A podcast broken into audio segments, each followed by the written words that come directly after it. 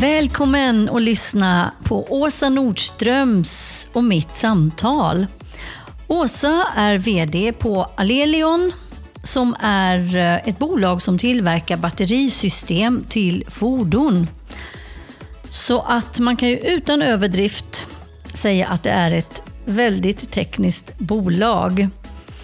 Hon kommer i det här första avsnittet att eh, bland annat berätta hur hon har valt att fånga olika möjligheter, att eh, inte misstro sig själv och också en superspännande reflektion där hon som aktiv i scouterna under många år har sett olika kopplingar från den ideella världen till att leda en organisation just ur perspektiv.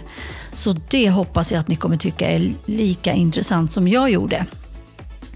Så luta dig tillbaka, njut och kanske så får du med dig någonting. Annars så hoppas jag att du har fått en trevlig stund.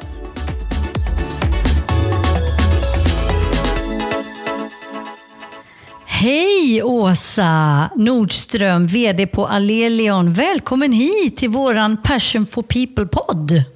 Tack så mycket. Hur känns det att vara här då? Har du poddat förut? Nej, jag har inte poddat, så det är nytt för mig. Men eh, det är roligt med nya grejer, så att jag är väldigt glad att jag blev tillfrågad och får komma hit. Ja, men det är väl klart. Så spännande och intressant person som du är och även din bakgrund. Och du jobbar ju då som sagt på Alelion mm. och jag vet inte om vi ska låta tittarna höra, eller tittarna, tittarna är det inte, det är lyssnare, höra dig kort bara. Vad är det för bolag? Ja, Alelion är ju ett bolag i, mitt i elektrifieringen. Vi jobbar med batterisystem till fordon. Så det är high-tech och det är både hårdvara och mjukvara och eh, mitt egentligen i allt som händer nu kring elektrifiering av fordon. Så det är ett väldigt spännande bolag. Eh, ganska litet, men har funnits eh, sedan 2006. Ja, men du, då skulle man väl nästan kunna ärligt säga att det är lite eh, som vi brukar säga, lite mans, mansdominerat. Det är väl inte så jättemånga kvinnor som kanske drar sig till den här typen av, av jobb. Men jag kan ha fel. Nej, men det är, det är en mansdominerad värld. Eh, jag började ju 2016 och då var jag kvinna nummer två in. Eh, ja. Idag ser det tack och lov lite annorlunda ut. Men eh, det är så och det, det vet man ju när man är i branschen. Så att eh, man får gilla det helt enkelt. Ja, och det är det du gör. Och det, vi har ju också pratat lite tidigare, så att jag förstår ju att du är lite... På engelska finns det ett ord som heter tomboy. Mm. Eller hur? Du har alltid, för du har två bröder, eller tre bröder. Två bröder. Du, två bröder. Två bröder. Ja. Två bröder. Du har två bröder.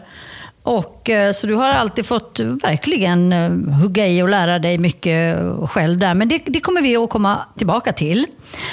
Men din resa hit är ju lite ändå. Du, du har ju din tekniska utbildning, eller hur? Varför valde du det till att börja med? Jag började med teknik på gymnasiet. Och det var nog mest för att eh, det var en bra grund. Eh, jag visste inte då heller vad jag skulle bli när jag blev stor. Så att jag ville ha en, en bred grund i, i gymnasiet och valde fyraårig teknisk. Eh, och det tycker jag nog fortfarande är en bra grund, eh, oavsett vad man får för sig att göra sen. Eh, men sen därifrån så har jag jobbat på mycket tekniska bolag och gillat den atmosfären och gillat eh, teknik sådär, fast lite från utsidan. Mm, mm. Men du, kan inte du kort också berätta om din resa då? För att du har ju haft uh, lite olika spännande roller innan du, för du har ju varit på Alelion även innan du blev VD mm. nu för no något, några år sedan. Men innan dess så har ju din resa varit ganska ja, som sagt spännande tycker jag. Ja, och det, det, det är ju rätt spännande att tänka tillbaka lite. Jag sitter ju själv med gymnasieungdomar hemma nu. Och man, man lyssnar på deras planer och deras tankar om framtiden. Och alla tror att man ska ha det så utkristalliserat och klart vart man ska ta vägen mm. sen. Eh, och jag är väl ett exempel på där jag, jag brukar säga att jag, för varje år som går så vet jag vad jag inte vill göra. Eh, men gillar att prova, prova nya saker. Och efter gymnasiet så kände jag att eh, nu vill jag göra något annat. Och jag minns att jag sa till min elkraftlärare fjärde året på gymnasiet att nu ska jag göra något jag tycker verkligen är roligt. Nu ska jag åka till Frankrike. Det, och han, han, skrattade gott och sa, vad har du gjort här? Jo, men var sak har sin tid. Så jag åkte till Frankrike, läste franska och hade ett, ett sånt år, eh, lite utanför allt. Eh, njöt av det. Eh, mm. Därefter kom jag hem, eh, fortsatte jobba på ett bolag jag hade sommarjobbat på, jobbat extra på. Eh, också ett teknikbolag, jag gjorde bläckstråleskrivare. Oj! Ett, ett spännande bolag faktiskt, för man provade lite olika organisationsupplägg. Man hade en väldigt, väldigt platt organisation mm. och laborerade ganska mycket med de där tankarna.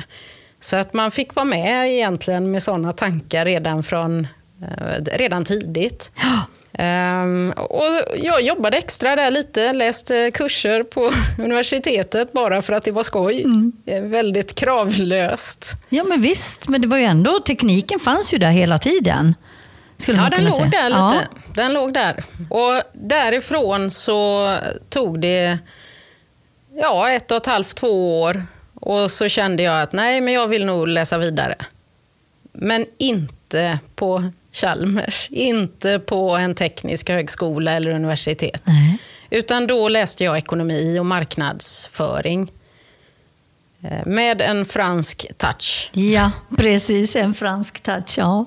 Så den fick vara kvar lite till den. Och på vilket sätt var det en fransk touch då? Ja, det, ingick, ja, det ingick i det programmet. Så jag läste på Handels i Göteborg och de hade då ett program där det ingår språk och där man får en termin utomlands okay. också. Mm, spännande, ja du ser. Ja, och efter det då? Ja, efter det var jag ju klar då.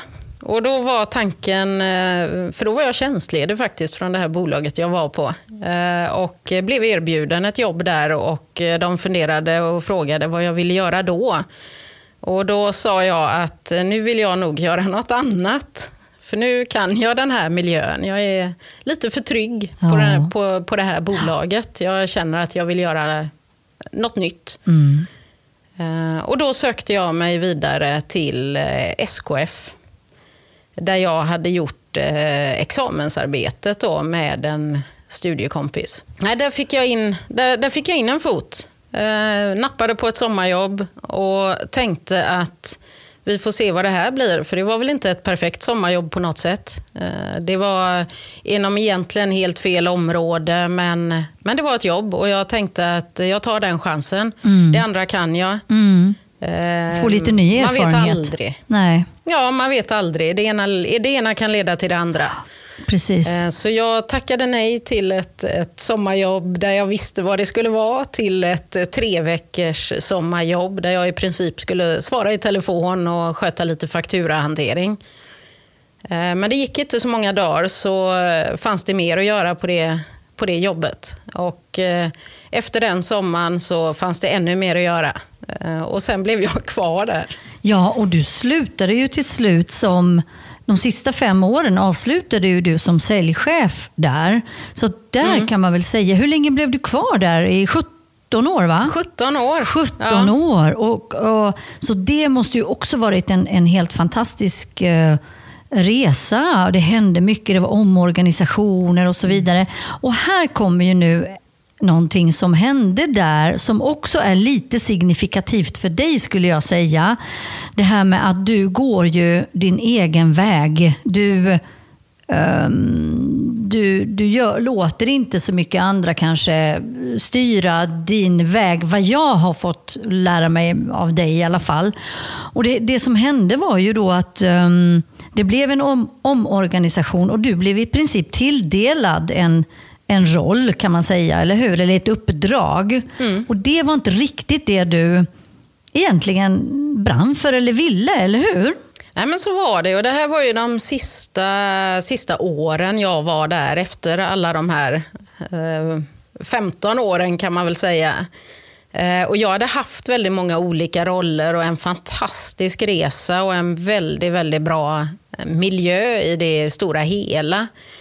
Eh, men landade i en del av organisationen, stora omorganisationer, omplaceringar och många roller som skulle bli färre helt enkelt. Och med facit i hand så här efteråt så kan jag ju tycka att det är också en erfarenhet att ha suttit på den sidan. Att få, få ta emot den här diskussionen och samtalet att nej men du kanske inte får den där rollen som, som du verkligen vill ha, men du får det här istället. Vi vill att du gör eh, det här.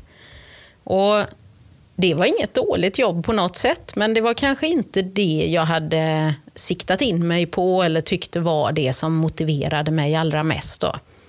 Mm, precis. Och då valde ju du, eh, jag kommer ihåg du berättade, antingen så tar jag mig an detta. Du bestämde ju dig för att ta dig an det ungefär i ett och ett halvt år, eller hur?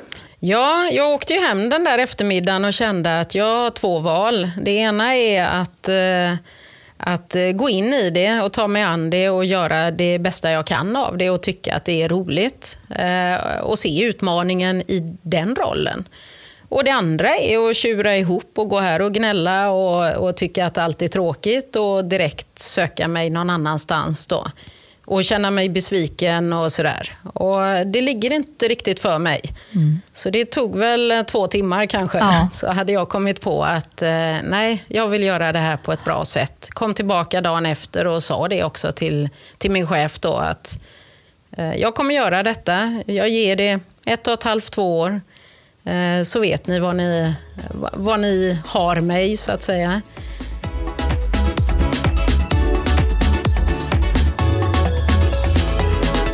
För jag tänker det här med, det har ju också med dina, eh, eller våra drivkrafter att göra väldigt mycket. För att vad jag, mycket idag, det är, är ju corona pågående, det har hänt otroligt mycket på, på nästan i princip alla bolag där vi då faktiskt många gånger tvingas eh, in i roller, kanske till och med fler roller, fler hattar mm. på våra huvuden än vad det var tänkt från början. Och, och, och så kanske det ska vara också för att allt ska kunna rulla och, och gå runt. Men att ändå klara av att eh, ta sig an de här bitarna fast jag kanske tycker att men det här är inte alls det jag tycker är kul och, eller det jag ville. Hur ska man då resonera tänker du? Där? För du resonerade på ett, ett sätt. Men det behöver kanske inte heller vara fel att säga, vet du vad?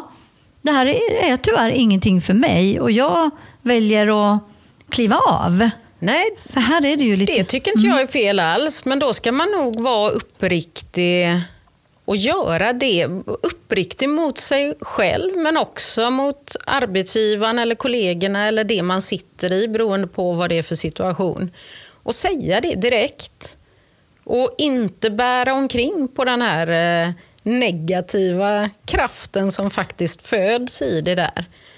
Eh, sen kan ju det vara en, en start till något helt annat ändå. Men jag tycker nog att man ändå är, man har ett ansvar någonstans att faktiskt göra det så bra man kan. Ja, just det. Och, och det, det är också en sak som, som är ganska viktig för, för dig och, och för, även för mig självklart att vi ska kunna påverka våra egna val, eller hur? Mm.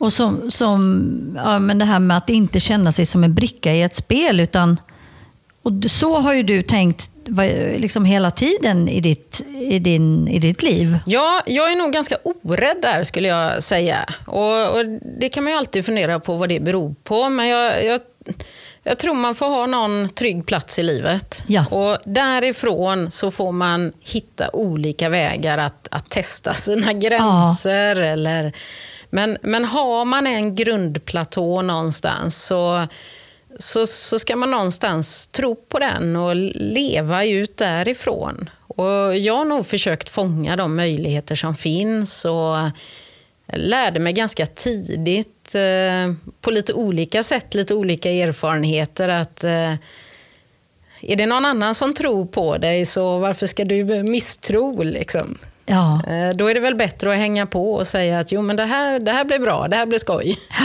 Ja, men jag förstår. Och det är ju så lätt också. Det låter ju, en del kanske kan tycka, ja men det är ju lätt att säga, men. Och jag kan förstå det också, för, för alla har kanske inte den här inre eh, tryggheten eller, eller självsäkerheten i sig. Eh, men att man ändå eh, ska våga lite mera. Och det är ju lite det som den här också, varför vi har startat den här podden. För att vi vill också försöka lyfta den biten att vågar du så, så kan du också vinna ganska mycket på det. Mm. Och man får nog hitta lite olika knep tror jag, eh, för sig själv. Eh, Där, där man vågar ge sig ut. Och det, kanske är det att ha någon nära som är lite mentor. Eh, Jag har haft en massa mentorer, men de flesta har aldrig vetat att de har varit mentorer till mig. Nej. Eh, nej. Men man medvetet kan se på andra, lära av andra, få någon trygg dialog med någon. Det kan räcka. Men därifrån våga ta de här andra små kliven. Då. Ja, precis. Och det här som du berättade också, eh, det här tyckte jag var väldigt intressant med att hitta en miljö, en testmiljö egentligen. Det är så intressant att säga så, för vi jobbar ju med eh, inom tech och det är ganska mycket testmiljöer. Men, men även fysiskt faktiskt som person så skulle så att bra att hitta de här testmiljöerna. Och du är ju idag kårordförande i scouterna. Och där har ju du berättat för mig på vilket sätt du har reflekterat över de här kopplingarna faktiskt ifrån affärsvärlden och det ideella arbetet. Och det, det finner jag alltså högst intressant. Så det får du jättegärna berätta lite mer om. Hur det har också hjälpt dig kanske till att stärka och, och forma dig. Ja, men det, där, det där tycker jag är otroligt spännande själv och jag har lagt ganska mycket tankekraft på det där eh, senaste åren här. Eh, för det slumpar sig ju lite grann så att jag, jag blev kårordförande i vår lokala sjöscoutkår eh, nästan samtidigt som jag blev VD på Alelion. Och det var ju inte alls meningen, för tanken var ju att jag skulle kunna det, eh, balansen mellan arbetsliv och ideellt eh, ska, ska ju inte slå på det sättet, var, var inte planen. Eh, men nu blev det så. Och då har jag ägnat ganska mycket funderingar kring vad är det som är likheter, vad är det som är skillnader, hur fungerar ledarskap? Jag är fostrad kan man säga i scouterna sedan jag var liten, alltid varit med sedan barnsben, familjen var scout. Eh, jag hängde med, drog nytta av alla möjligheter som finns. Jag har varit på läger och vandringar och eh, har med mig mycket därifrån. Och sen så hade jag en paus eh, när jag pluggade och gjorde andra saker. Kom tillbaka till scouterna som vuxen när mina barn då blev i lagom ålder för att jag tyckte att de skulle börja. Eh, och nu har jag varit aktiv i tio år till. Då. Och nu ser jag saker lite från ett annat håll. För nu har man med sig både föräldraroll, ledarroll, ledarskapsfrågor.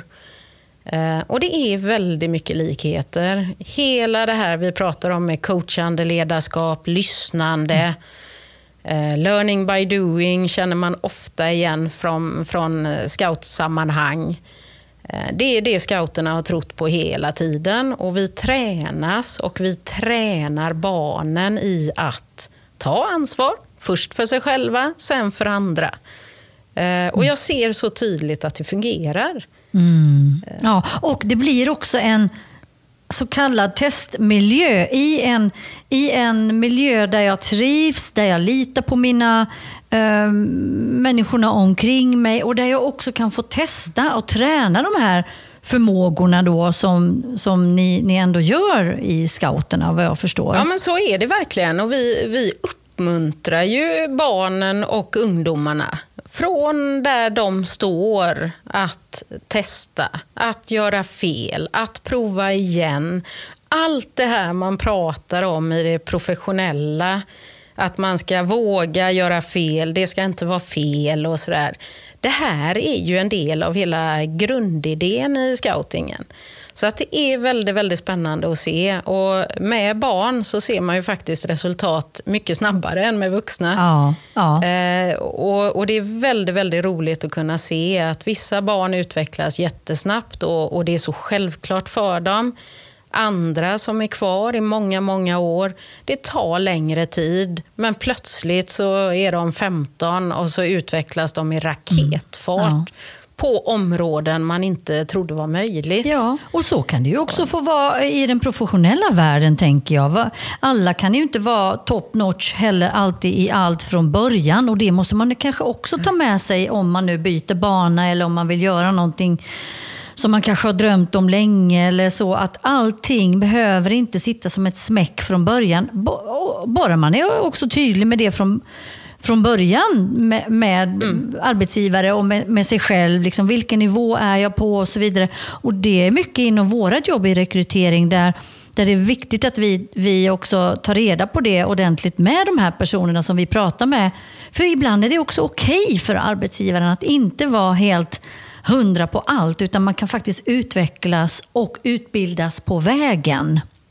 Mm. Och Det är viktigt. Men, men det här med scouterna säger du också, har du berättat det här med att man fångar olikheter. Och det fångar upp olikheter och det tyckte jag var väldigt mm.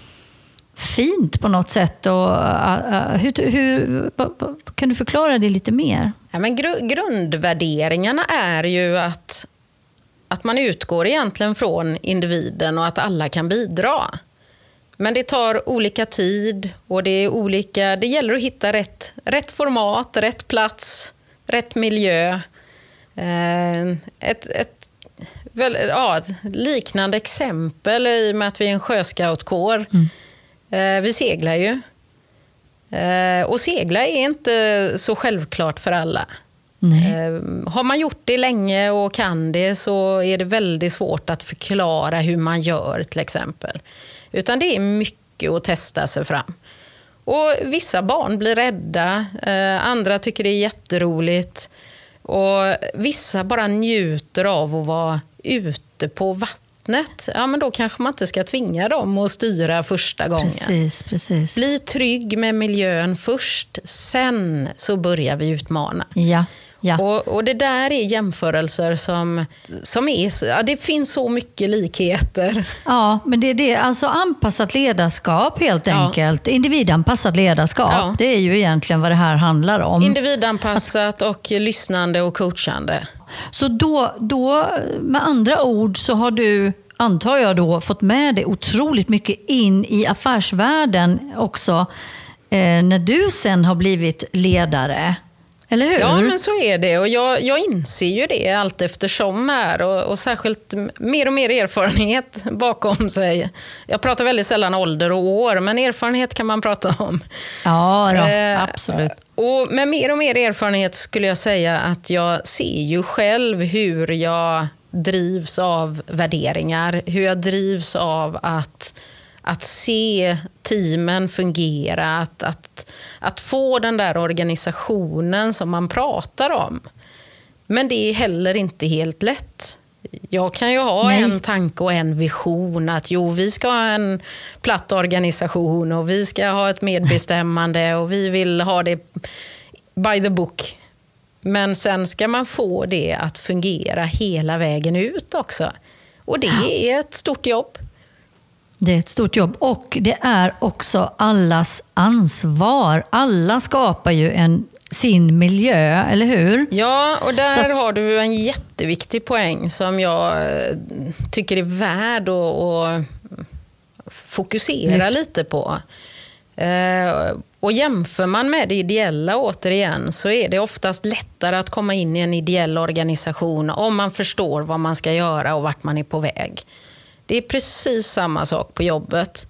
Men på jobbet så är du ju faktiskt inte bara för din egen skull. Eh, du är anställd mm. av ett företag och företaget är på väg någonstans och, och, man är en del i detta och det är allas ansvar någonstans att, att man tar sig dit man ska. Man kan inte bara skylla på chefen. På en, på en dålig chef eller på att kollegorna är dumma. Eller, utan man, man har ett ansvar att, att hjälpa till, stötta.